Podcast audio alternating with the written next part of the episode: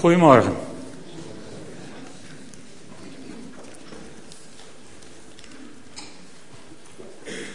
Vanmorgen lijkt het waarschijnlijk veel op een Bijbelstudie. Ik hoop dat u de Bijbel paraat hebt. Sommige teksten heb ik even voor u in de presentatie gezet, maar niet alles. Het thema vandaag is niet hoogdravend, maar diepgravend.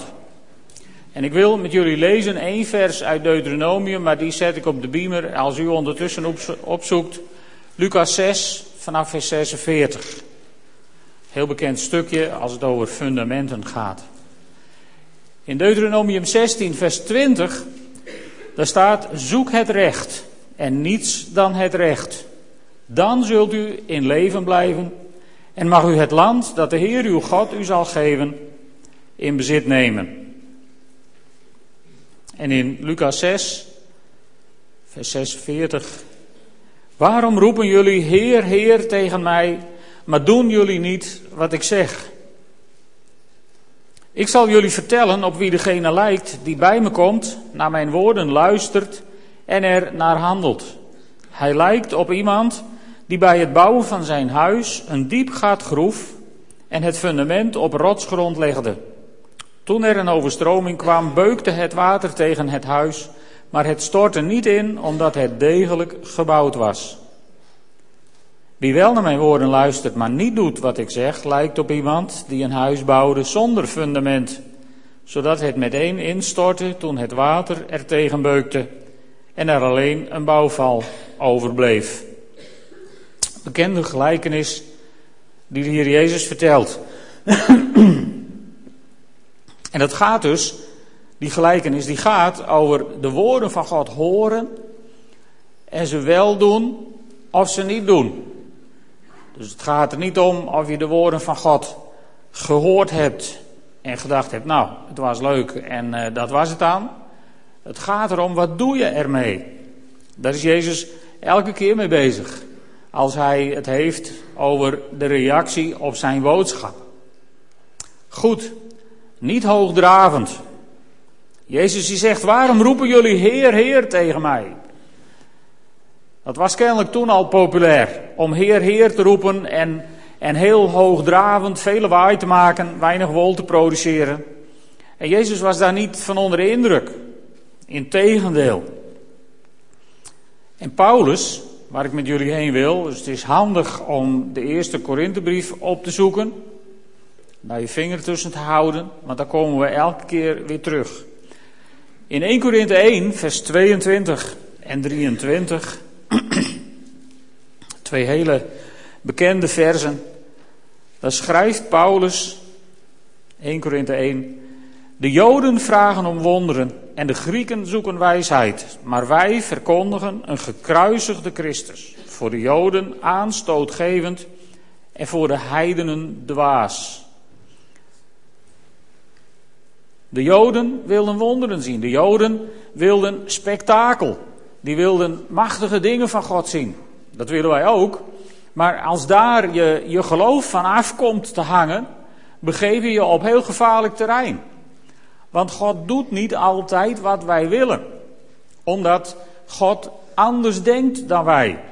Als jullie de volgende tekst vast opzoeken, die staat in 1 Corinthians 2. Dat is het foutje in de presentatie. Goed. Dus we blijven heel dicht bij elkaar.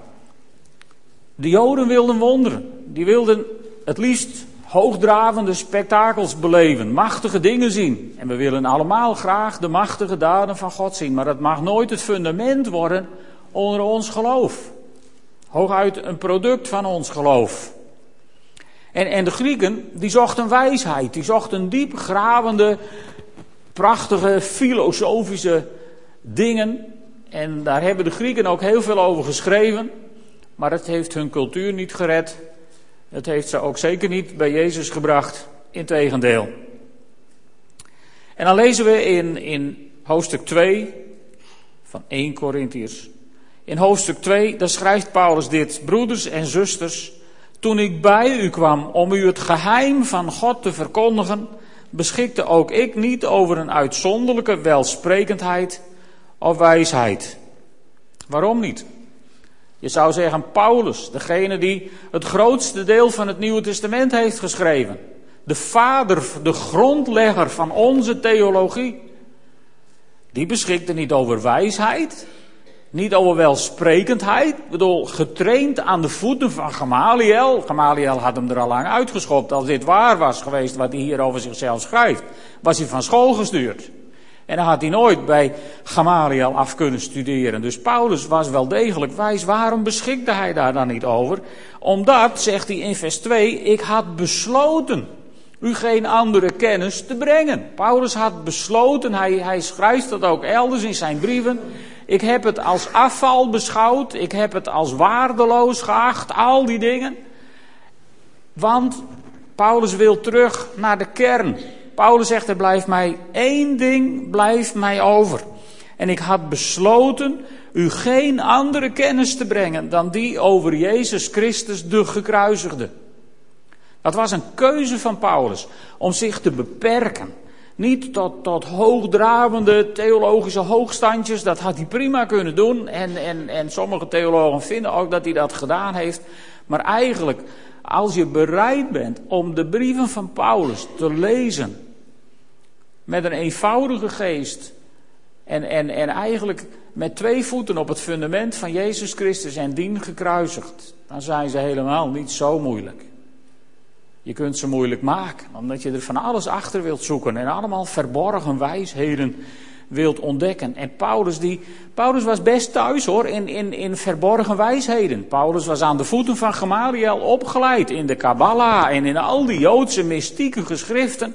Als er één was die je heel veel verborgen wijsheden had kunnen meegeven uit, uit die, die geheimzinnige geschriften, dan was het Paulus wel. Maar Paulus zegt, ik had besloten om dat niet te doen. Ik heb besloten om jullie één boodschap te brengen, Jezus Christus, en die gekruisigd. En dan zegt hij, bovendien kwam ik bij u in al mijn zwakheid en was ik angstig en onzeker. Kun je je bij Paulus eigenlijk ook niks bij voorstellen. Dat hij angstig is en onzeker. Alleen hier wel. Want wat had Paulus net achter de rug? Als je in handelingen de lijn van het verhaal volgt. Paulus was naar Athene gereisd. Naar het hoogtepunt van de wetenschap op de toenmalige aarde. En daar had hij zijn boodschap gehouden op de Areopagus. Met de meest welbespraakte mensen op de toenmalige wereld. Met de meest hoogstaande wetenschappers uit de toenmalige tijd. Met de grote filosofen uit Griekenland. En daar was hij tegen een muur aangelopen. En ik denk dat Paulus daar heel beduust is geworden voor de wereldse wijsheid. Omdat de wereldse wijsheid daar in een keiharde aanvaring kwam met dit geheim. Jezus Christus en dien gekruisigd. Maar niet alleen gekruisigd, ook weer opgestaan uit de doden. En toen vond de aanvaring plaats tussen de wijzen en Paulus. En ik denk dat hij daar wat beduust vandaan is gekomen uit Efeze. En toen in Korinthe kwam, weer zo'n Griekse stad, en dat hij misschien wel gedacht heeft: Nou, ik weet het niet hoe het hier zal gaan angstig en onzeker. Paulus was ook een mens en Paulus had een hele nare ervaring achter de rug daar in Efeze. En dan zegt hij, de boodschap die ik verkondigde overtuigde niet door wijsheid, maar bewees zich door de kracht van de geest. Daar wil ik straks op terugkomen, die kracht van de geest, wat betekent dat dan?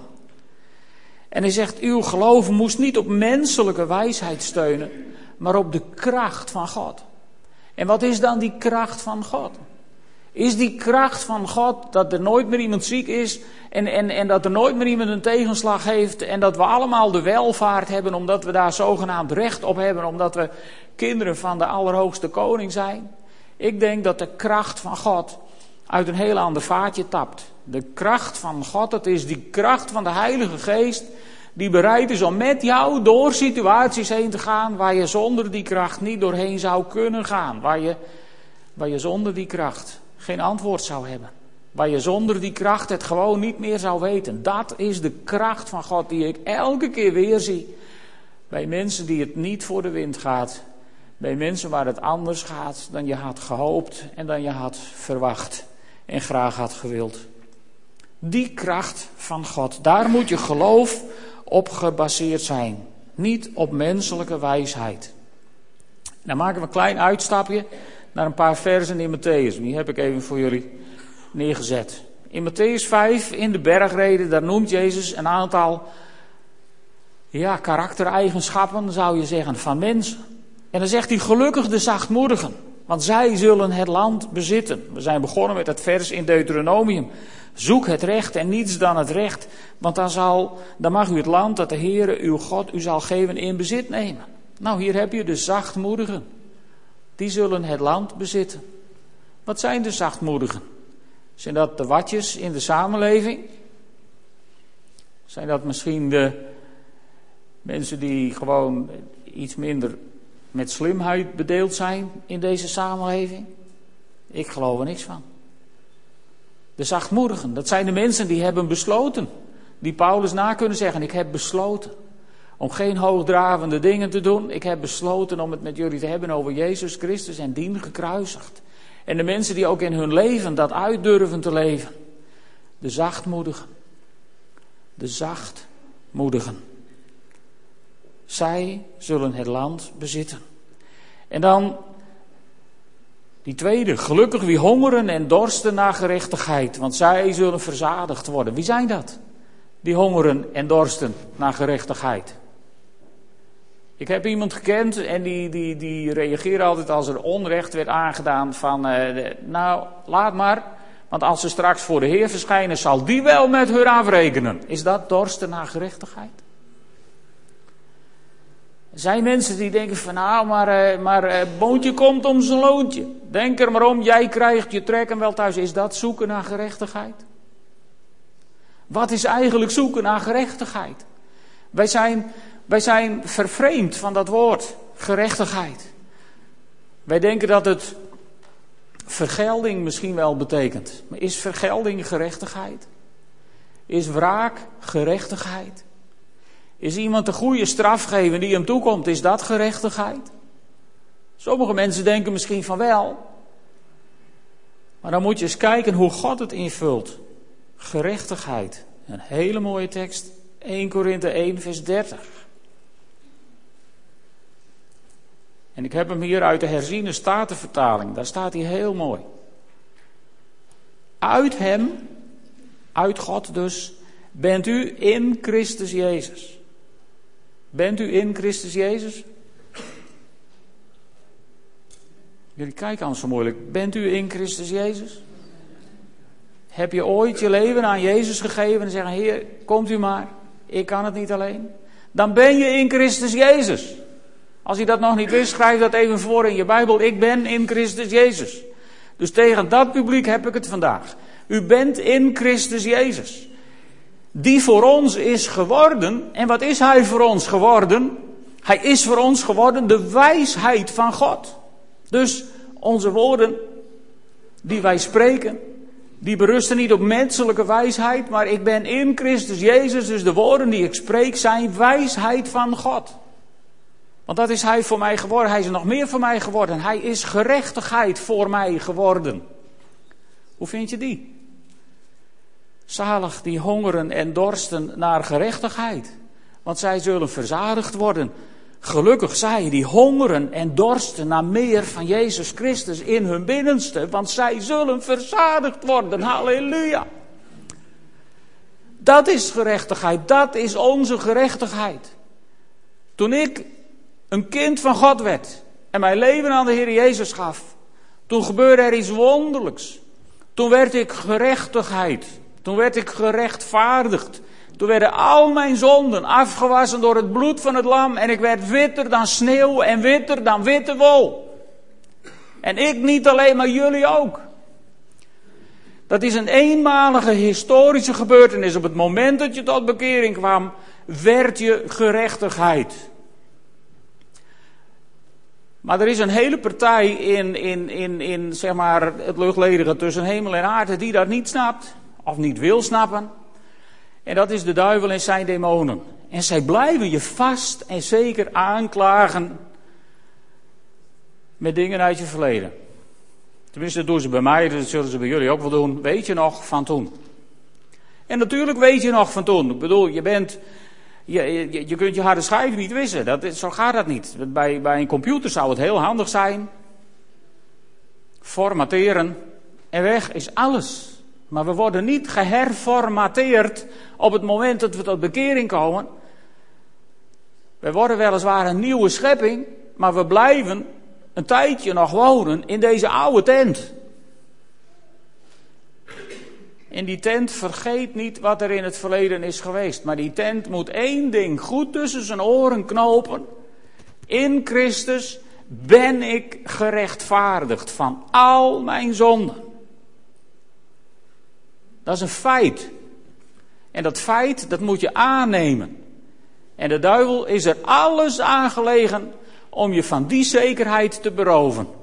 Want als je van die zekerheid beroofd wordt, dan ga je graven in je verleden, dan ga je medelijden krijgen met jezelf en dan ga je boos worden op iedereen die er ook niks aan kan doen. Dan val je in de gewone wereldse principes die overal alleen maar ellende en verdeeldheid en verstrooidheid brengen. Maar als je vasthoudt aan die ene goddelijke waarheid in Christus Jezus, ben ik gerechtigheid geworden, dan ben je daar af. Dat was het verleden. En dan staat er, je bent nog meer, Christus is nog meer voor ons geworden. En als wij in Christus Jezus zijn, zijn wij ook geworden heiliging. Dat is een moeilijker, moeilijker begrip. Want nadat we gerechtvaardigd zijn, dus nadat die gerechtigheid ons deel werd, is er, als het goed is, een proces in ons leven begonnen. En dat proces, dat noemt de Bijbel heiliging. Een proces waarin je stapje voor stapje je vrijheid in Christus gaat uitleven. Paulus zegt het in Romeinen heel mooi. Je bent niet langer een slaaf van de zonde. Je bent nu een dienaar, een slaaf, een doelos van Jezus Christus geworden. Alleen de zonde, ja, die weet moeilijk van loslaten. Ik bedoel, die blijft, die blijft je soms het leven heel erg zuur maken. En het heiligingsproces betekent dat je steeds meer los wordt van die macht van de zonde. Dat het je steeds duidelijker voor ogen komt te staan wat het betekent om geen slaaf van de zonde meer te zijn, maar van Jezus Christus te zijn. Dus de zonde, zegt Paulus, heeft geen macht over ons. Je kunt dus als christen, je kunt nooit aankomen met het excuus ja, ik kon er niks aan doen. Broeder, lieve zuster, ik kon het niet helpen. Het was de zonde in mij. Dat is flauwekul. De zonde heeft geen macht over ons. En als je er toch intuint, dan doe je dat vrijwillig. Dan moet je daar ook de volle verantwoordelijkheid voor nemen. En wat betekent dat? Dat betekent dat omdat je hongert en dorstig bent naar gerechtigheid, dat je, dat je aan de voeten van Jezus Christus terechtkomt en zegt: Heer, het is vandaag niet goed gegaan. En dan wordt opnieuw gerechtigheid. Nee, niet opnieuw. Dan herinnert Jezus je eraan, weet je, gerechtigheid is jouw deel geworden. Ik heb al jouw zonden weggewassen door mijn bloed. Ja, maar toen ik tot bekering kwam, had ik deze zonde nog niet gedaan. Dat is ons probleem. Wij hebben te maken met de factor tijd en God is eeuwig. Dus die heeft geen last van die factor tijd. God heeft afgerekend met jouw zonden. Zelfs voor de grondlegging der wereld heeft Hij besloten om het zo te doen. Toen moest je überhaupt nog geboren worden. Dus toen wist je nog niet eens hoe je moest zondigen. Toen had God al afgerekend met dat in je leven. Maar je moet er elke keer mee terug naar Jezus. Heer, ik ben geen slaaf van de zonde. Ik ben een dienstknecht van u. Ik niet alleen, maar jullie ook, hè? Knoop dat goed tussen je oren. Ik ben geen slaaf van de zonde. Ik ben niet onder de macht van de zonde. Ik verlang ernaar om dit te doen, maar ik hoef het niet te doen, want ik ben geen slaaf van de zonde. En als ik het niet hoef te doen, Satan, dan wil ik het ook niet doen. Pak op met je hele handel, want ik doe het niet. Dat is geestelijke strijd. Dat is een worsteling in je leven waar je je hele leven mee bezig blijft. Zolang je in deze aardse tent van vlees en bloed woont, heb je daarmee te doen. Alleen Jacobus bemoedigt ons daar heel sterk in, want hij zegt, maar bied weerstand aan de duivel, want dan zal hij voor je vluchten. Dus als je dit een tijdje volhoudt, ga je merken van nee, het, wordt steeds makkelijker. Ja, hoe, hoe, hoe komt dat? Omdat het steeds makkelijker wordt. De duivel gaat voor je vluchten. Die ziet je aankomen en wat ziet hij als hij jou ziet aankomen? Dan ziet hij hier is iemand die is in Christus Jezus. Wauw, gerechtigheid. En hij doet een stapje achteruit. Heiliging, hij doet nog een stapje achteruit. Verlossing, voor ik mijn benen weet. Verlossing, en hij doet nog een stapje achteruit. En hij gaat van je vluchten. Want hij ziet in jou wat je zelf nog nooit gezien hebt toen je in de spiegel keek, maar wat je moet geloven. Daarom heet het geloof. Deze hobby waar we mee bezig zijn, heet geloof. Je kunt het niet zien. Je kunt het niet, niet meten met een duimstok. Je kunt het niet wegen op de weegschaal. Het heet geloof. Geloof. Het moet, het moet in je hart moet het zitten. Het is zelfs niet genoeg als je het weet. Als het alleen maar tussen je oren zit, is dat nog te weinig. Het moet afzakken. Ik zeg, het is hier zo nauw hier en daar moet het even doorheen. Maar het kan. Lieve vrienden, het kan. Het kan. Uit God ben je in Jezus Christus, die voor ons geworden is wijsheid van God, gerechtigheid, heiliging en uiteindelijk de verlossing uit deze aardse tent. Als Paulus zegt, ik arme mens, wie zal mij verlossen van al dit gedoe? Prijs de Heer Jezus Christus.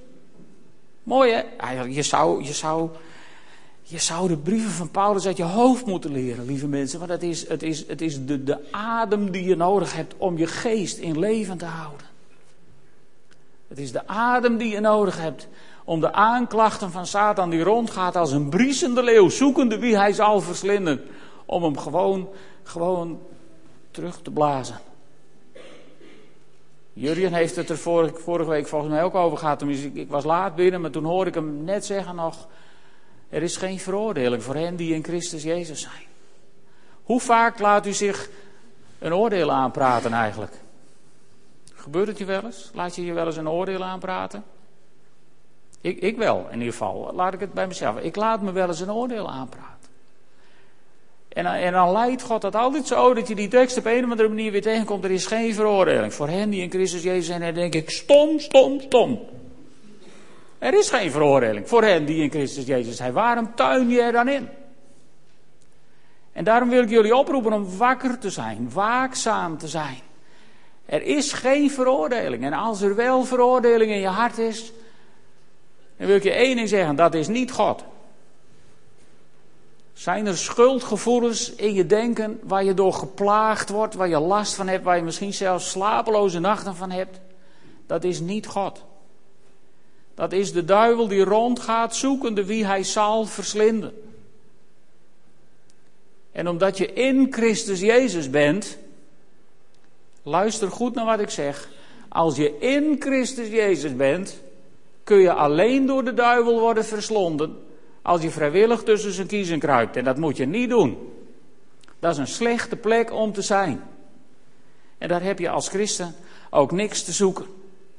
In Christus Jezus zijn wij wijs, we zijn gerechtvaardigd, we zijn heilig geworden en we zijn verlost. Is dat mooi? Dacht ik. Eigenlijk zou de Bijbel nauwelijks langer hoeven te zijn als je dit zo, zo ziet. Maar goed, je bent er niet mee door alleen maar die tekst te bekijken. Want je moet ook doen wat hij zegt. En een van de dingen die hij zegt is dat je diep moet graven. In de gelijkenis die we hebben gelezen, daar zegt Jezus: Iemand die luistert naar mijn woorden en er naar handelt, die lijkt op iemand die bij het bouwen van zijn huis een diep gat groef. Dat viel me eigenlijk van de week voor het eerst op dat dat er zo stond. Want, want ja, we kennen het verhaal. De ene zet zijn huis plof op de rots en de andere die zet zijn huis kwak in het zand. Maar er komt nog iets voor. Voordat je je huis op de rots zet, staat hier, dan moet je een diep gat graven. Een diep gat. Hier moet je een heel diep gat graven als je je huis wilt vestigen op de rots. Dus wij, ja, wij bouwen dan uiteindelijk van armoede maar op het zand. Maar dan moet je voor sommige plekken in Nederland, moet je daar hele lange heipalen voor slaan. Daar heeft Hans verstand van, als hij daar wat van wil lezen. Hoe lang die heipalen soms wel niet moeten zijn, of niet Hans? Er zijn erbij, dan moet je heel ver naar beneden. En dat is een pijnlijke operatie om een goed fundament te leggen. Ik zat ooit eens in een, in een, in een vervelende situatie. Lastig, geestelijk wilde het niet, maatschappelijk het wilde op geen enkele manier. Ik, ik zat op een of andere manier in Gods wachtkamer. Of ik, ik weet niet waar ik zat, want toen kwam er iemand naar me toe. En die kwam me profetisch bemoedigen. En die zei: De Heer is een diep fundament aan het leggen. En toen dacht ik: Daar ben je mooi klaar mee.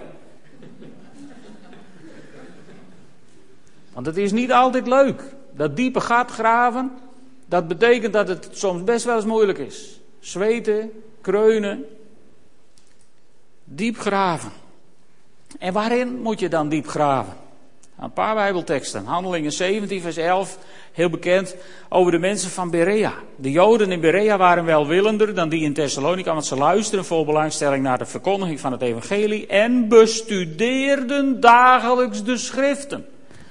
Dan gaat het hier over, lieve mensen. We hebben meegedaan als gemeente aan het onderzoek van Riviel. Daar hebben uh, ruim 80 mensen van de gemeente aan meegedaan. En een van de dingen die in het onderzoek naar voren komt, is dat in onze gemeente het Bijbelgebruik opvallend lager is dan in de andere Nederlandse gemeentes die hebben meegegaan. Om ons maar even niet met de rest van, van de wereld te vergelijken. En dat is verontrustend. Want dit is een belangrijk onderdeel van het fundament waar we het over hebben. Als je diep wilt graven, dan is dit de grond waar je heel diep in kunt graven. Hier kun je je hele leven in omspitten zonder uitgegraven te raken. En die mensen in Berea bestudeerden dagelijks de schriften. Dat zou een hele goede gewoonte zijn om dagelijks de schriften te bestuderen.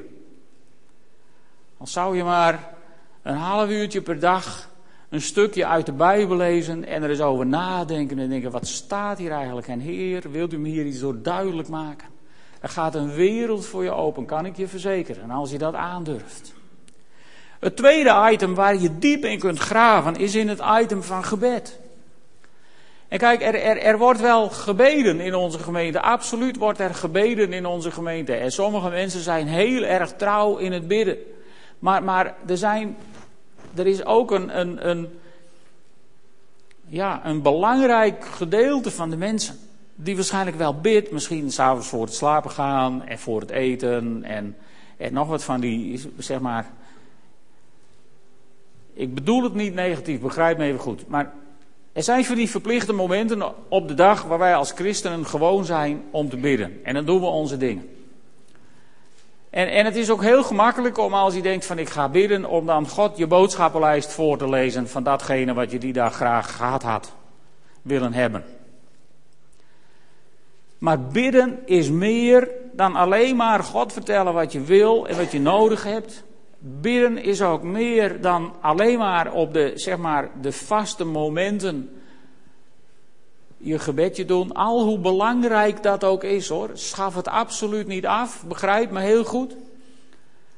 Maar er is meer in gebed. Bidden, bidden, echt diepgravend bidden, heeft ermee te maken dat je tijd neemt om ook even naar God te luisteren. Wij geloven in een levende God, of niet? Wij geloven in een sprekende God. Dat is heel handig hoor, een sprekende God, maar als je er niet naar luistert, is het redelijk zinloos. Tijd apart zetten om te luisteren. En, en ons grote voorbeeld, als het gaat over gebed, is Jezus Christus. Een paar versen, gewoon om je even aan het denken te zetten. In Marcus 1, vers 35, vroeg in de ochtend, toen het nog helemaal donker was, draaide hij zich om, stopte zich nog lekker even onder en dacht: Ik moet straks niet vergeten even te bidden. Dat zou ik doen. Zeker nu het zo koud aan het worden is. Maar van Jezus staat er vroeg in de ochtend, toen het nog helemaal donker was, stond hij op, ging naar buiten, liep naar een eenzame plek om daar te bidden. En in Marcus 6, vers 46, nadat hij afscheid van de mensen had genomen, ging hij de berg op om er te bidden. En Lucas, die vat dat heel mooi samen in Lucas 5, vers 16. Daar zegt hij over Jezus, hij zelf trok zich geregeld terug om op eenzame plaatsen om er te bidden. Jezus kende het geheim om zich af te zonderen en naar God te luisteren en naar God te kijken. En als hij dan beneden kwam, dan kwam hij niet met van nou ik heb God gevraagd vandaag om dit of dat of dat te doen. Dan, dan zei hij van nee, ik, ik kom om te doen wat ik de Vader heb zien doen. Is dat wel eens opgevallen? Als Jezus zegt dat de dingen die hij deed, dat waren de dingen die hij de Vader had zien doen. Dus hij had, als hij bad, had hij bij de Vader in de keuken gekeken. Had hij gezien wat de Vader had voorbereid voor die dag. Dat wist hij. En zo kwam hij naar beneden. En de dingen die de Vader had voorbereid voor die dag, die deed hij vervolgens. En de dingen waarvan hij wist dat de Vader ze niet had voorbereid, daar was hij die dag niet mee bezig. Wat zou je dat, teleurstellingen besparen? Weet je dat? Als we zo in het leven zouden staan. En de dingen die God voor die dag niet op zijn planning had staan, als we daar gewoon niet mee bezig zouden zijn. Het zou je een hele hoop frustratie kunnen besparen. Maar dat vraagt diepgravend gebed. Tijd apart zetten om bij de Heer te zijn. Naar Hem te luisteren en Hem te aanbidden. En Hem te vertellen hoe, hoe, hoe warm het gevoel in je hart is omdat je in Zijn aanwezigheid mag zijn. Gewoon, ik, het slaat nergens op waarschijnlijk, maar ik, ik vind dat Engelse woord zo mooi als ze het hebben over dwelling in the place of the Lord. Dan heb ik altijd het gevoel van dwelling. Ik, ik krijg er altijd zo'n gevoel bij van, van nou, je, je moet oppassen om jezelf niet helemaal te verliezen. Maar je bent gewoon, je bent in de aanwezigheid van Hem, in wie wij in Jezus Christus zijn, door wie we gerechtvaardigd zijn, door wie we geheiligd worden, door wie we wijsheid ontvangen en door wie we verlost worden. Daar ben je in die aanwezigheid. En, en, en, en dan wil je toch eigenlijk niks anders dan daar gewoon blijven. Of niet? Kun je je voorstellen, iemand als, iemand als hoe heet die? Iemand als uh, Henoch. Henoch staat er in de Bijbel. Henoch. Op een dag was hij er niet meer, want hij wandelde met God. Kun je daar iets bij voorstellen? Het, het, was een wereld vergelijkbaar met de onze. Het was boos en het was slecht en het was zondig. En, en, en, christenen waren in de minderheid, die waren er nog niet eens. Maar goed, gelovigen in God waren in de minderheid. En Henoch was één van die mensen. En die, en, die, en die wandelde met God. En die wandelde met God. En op een dag was hij zo dicht bij God. Was hij zo dicht bij God. Dat God zei, Henoch, zou je hier willen blijven? Of zou je terug willen? En toen koos hij nog ervoor om bij God te blijven. Zou je daar niet stinkend jaloers op worden? Niet dat ik hier weg wil, ik heb jullie hartstikke lief en ik ben gek met Geertje en met de kleinkinderen en de kinderen. En... Maar dat gevoel in je hart, dat je zo dicht bij God komt, dat de vraag zich aanduidt: zou je hier willen blijven of zou je terug willen? Zou je zo dicht bij God durven komen in je leven? Dan heb je diep gegraven, lieve vrienden. Het derde item waar je diep in moet graven is aan je overgave aan Gods geest. En dan gaan we terug naar 1 Korinthe. Hoofdstuk 2, vers 6. Toch is wat wij verkondigen zegt Paulus, wijsheid voor wie volwassen is in het geloof. Met andere woorden, het is dwaasheid voor iemand die God niet kent. Die zal er niks van snappen. Die zal je niet begrijpen. Maar voor iemand die volwassen is in het geloof, is het wijsheid. En het is niet de wijsheid van deze wereld, zegt Paulus, en van haar machthebbers die ten onder zullen gaan. Waar wij over spreken is Gods verborgen en geheime wijsheid. Maar het is geen geheime wijsheid die alleen voor hooggeleerde, ingewikkeld gestudeerde mensen bereikbaar is. Het is wijsheid die in Christus te vinden is. Want Hij is onze wijsheid geworden.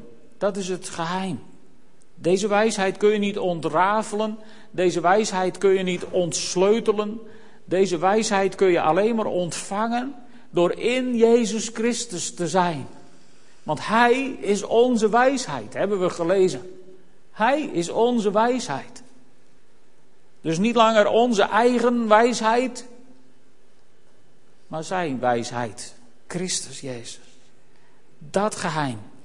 En dan staat er een wijsheid waarover God voor alle tijden besloten heeft. Dat wij, wij, door haar zouden delen in zijn luister.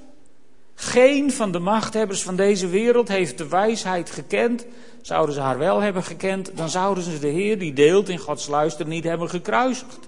Maar het is zoals geschreven staat: wat het oog niet heeft gezien en het oor niet heeft gehoord, wat in geen mensenhart is opgekomen, dat heeft God bestemd voor wie hem lief heeft.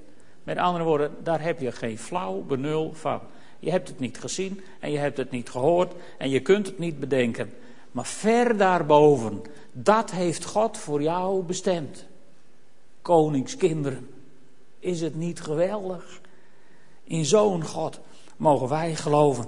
En God heeft ons dit geopenbaard door de geest. Want de geest doorgrondt alles, ook de diepten van God. Als je nou diep genoeg graaft, kom je uit bij de diepten van God. En weet je, dat heb je nodig. Daar kun je niet zonder. Mijn schoonvader liet een keer een huis bouwen. En uh, dat zou volgens het bestek op zand gefundeerd worden. Dat was hier ergens in het midden van Friesland. Nou, dat is één grote bak prut, midden Friesland. Het is allemaal veen. En wat deden die slimmerikken? Die groeven een klein gleufje, kruiden daar vijf centimeter zand in en daar legden ze de fundering op. En na een jaar begonnen de deuren wat te klemmen in dat huis. En na nog een jaar moesten ze redelijk bijgezaagd worden, want toen kon er geen deur meer open en dicht. En na nog een jaar gingen de thermopeenramen redelijk rond staan in de kozijnen. En kwamen er scheuren in de muren, want de voorgevel viel naar voren en de achtergevel viel naar achteren en het midden van het huis blijft staan. Maar ja, dan tocht het zo, dus dat werkt niet echt. En dat werd een rechtszaak. En uiteindelijk, na heel veel juridisch getouwtrek, werd het huis tot de grond toe gesloopt. En werd er gefundeerd op zand. Een diep gat dat ze groeven, dat wil je niet weten. Dat hoefde niet geheid te worden, want het zand zat op een meter of drie, drieënhalf. Maar dat is een heel diep gat. Als je daarvoor staat in je zondagse pak op een stijgerplankje, is het een heel diep gat. En dat werd helemaal uitgegraven. En er werd helemaal een nieuw fundament gelegd. En zo kreeg je een nieuw huis. Die deuren willen nog steeds open en dicht. Het huis is niet meer van mijn schoonvader, maar de ramen staan niet rond. De gevels vallen er niet af. Het blijft gewoon staan. En zo is het ook. Hoe is jouw geloof, hoe is jouw relatie met God gebouwd? Staat dat op een fictief laagje zand wat ergens in de prut is gegooid? Of ben jij gefundeerd op de vaste grond? Waar zit je fundament? Willen de deuren van jouw hart nog open en dicht? Dan is het goed. Als ze klemmen, dan moet je ernstig nadenken over je fundament. Toen de deuren bij mijn schoonvader voor het eerst klemden, toen dacht hij, nou ja, het hout zal wel wat werken, weet ik veel. Dus schaaf je hier, schaaf je daar. Eh. En dan wilde het wel weer, maar daar loste je dat probleem niet mee op. Het was een funderingsprobleem. En dat los je niet op. Dat los je alleen op door de fundering te verbeteren. Dus wat heb je nodig? Je hebt nodig een goed fundament. Als je zo'n hoge toren wil bouwen, heb je helemaal nodig een goed fundament. En daarover schrijft Paulus in Efeziërs 2. Zo bent u dus geen vreemdelingen of gasten meer, maar burgers, net als de heiligen en huisgenoten van God. Ook zo'n waarheid die je gewoon moet onthouden, hè? in Christus Jezus. Ik ben een huisgenoot van God, want ik ben in Christus Jezus. En als Jezus Christus aan de rechterhand van de Vader zit, dan zit ik daarin, dan zit ik daar ook. Dat is mijn plek. Geweldig, onaantastbare plek. En, en, dus je bent huisgenoten van God en je bent gebouwd op het fundament van de apostelen en de profeten. Wat is het fundament van de apostelen en de profeten? Ik heb geleerd in mijn leven wat het niet is. Ik, ik heb mensen gekend die hadden zichzelf de titel apostel aangemeten, wensten ook, eisten ook zo te worden aangesproken. Maar jullie hoeven tegen mij geen apostel Willem te zeggen, alsjeblieft niet. Nee, ben je ook niet van plan Rijn, hè? gelukkig. Ik heb ook mensen gekend die hadden zichzelf de titel profeet aangemeten en die eisten te worden aangesproken met profeet zo en zo. Daar heb ik ook altijd geweigerd. Ik ben ook zo een beetje dwars, net als jij. En, en dat is goede eigenschap. Goede eigenschap, voordat je gaat protesteren. Dat is een goede eigenschap, want daarmee tuin je niet in elke dwaling die je tegenkomt. En, en, en wat mij opviel was als deze mensen je, die preekten altijd graag over deze tekst. En dan zeiden ze, de kerk is gebouwd op het fundament van de apostelen en de profeten. Dus ik ben het fundament van de kerk. Nou, niet van mijn kerk. Het spijt me zeer. Dat is zo'n zandlaagje in de prut waar je vooral niks mee kunt. Als Paulus schrijft dat de kerk gebouwd is op het fundament van de apostelen en de profeten, dan heeft hij het, verrassing, hierover. Dit is geschreven onder inspiratie van de Heilige Geest door de apostelen en de profeten. Dit is het fundament van de apostelen en de profeten. En hier is de kerk en ons geloof op gebouwd. Of je het nou leuk vindt of niet, maar zo zit het. En Jezus Christus zelf is de hoeksteen van dat gebouw. En van hem uit groeit dat hele gebouw steen voor steen uit tot een tempel die gewijd is aan hem, de Heere, in wie u ook samen opgebouwd wordt tot een plaats waar God woont door zijn geest. Wij zijn een plaats waar God woont door zijn geest. Wij zijn allemaal individueel, door de inwonende Heilige Geest, een woonplaats van God. Maar we zijn ook als gemeente, niet dit huis. Als, als dit gewoon leeg staat en je komt hier morgen eh, in, in, in, in dit stenen gebouw, al hoe leuk dit gebouw ook is. Dit heeft niks met God. Dit is gewoon een hoop stenen, netjes op elkaar gemetseld.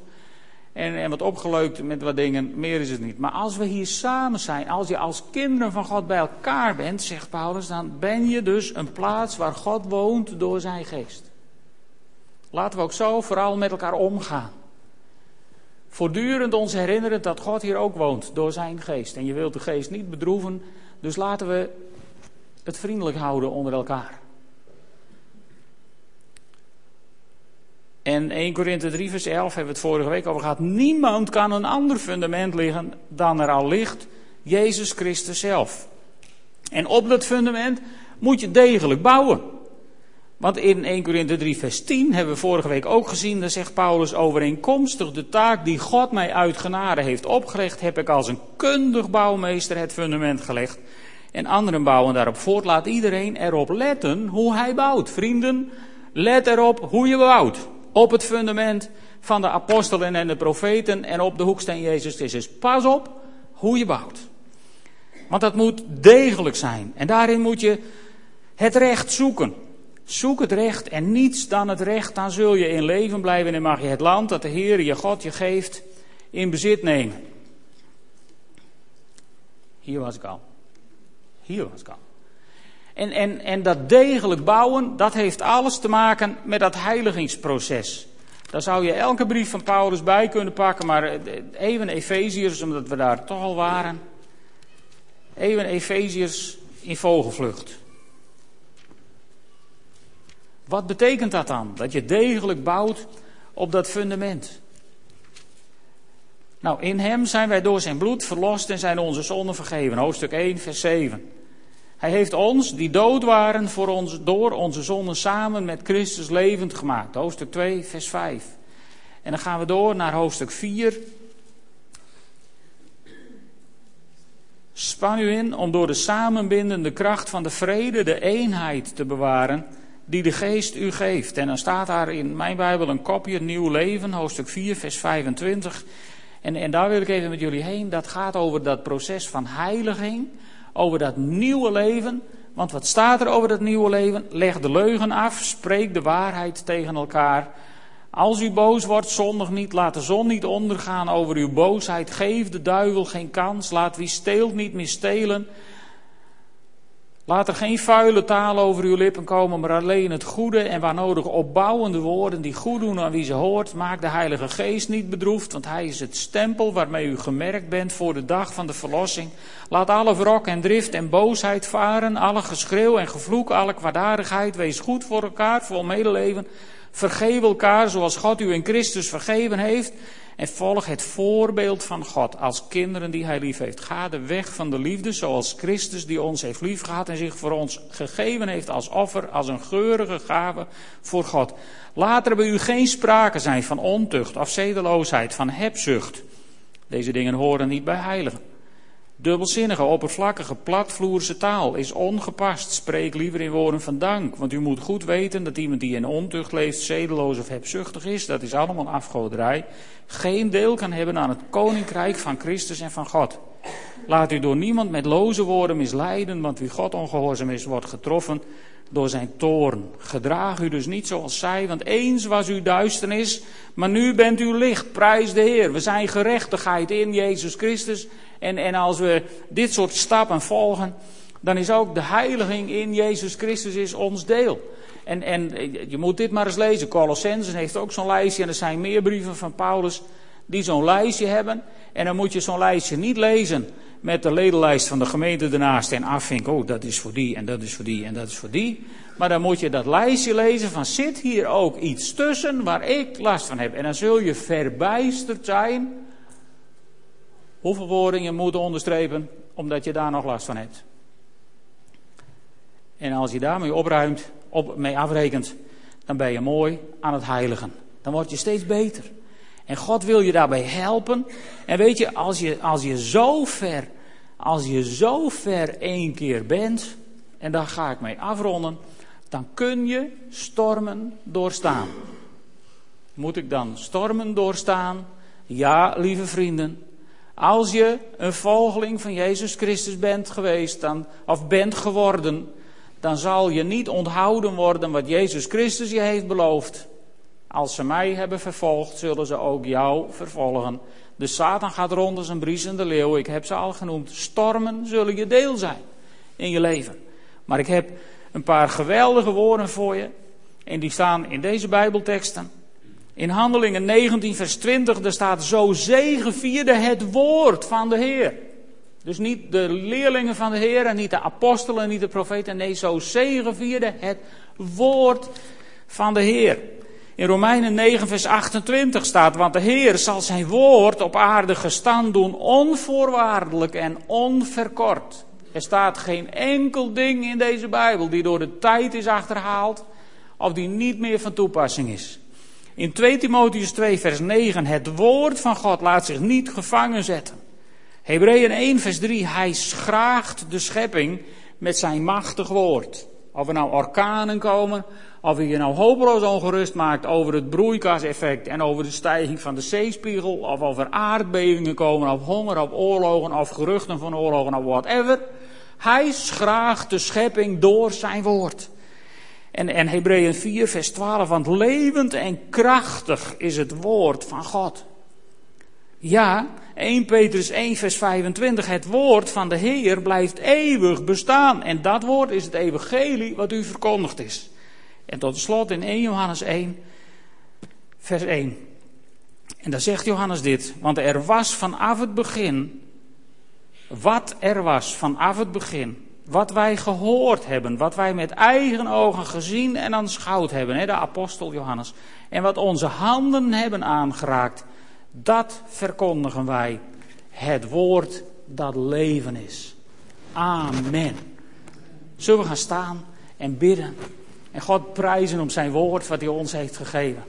Vader in de hemel, dank u wel voor uw genade, voor uw grootheid, voor uw goedheid, voor uw schoonheid.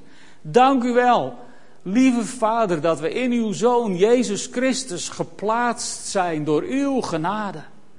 Dank u wel, Heere God, dat we in uw Zoon wijsheid mogen worden. Dat we in uw Zoon gerechtigheid mogen zijn. Dat we in uw Zoon steeds verder geheiligd mogen worden.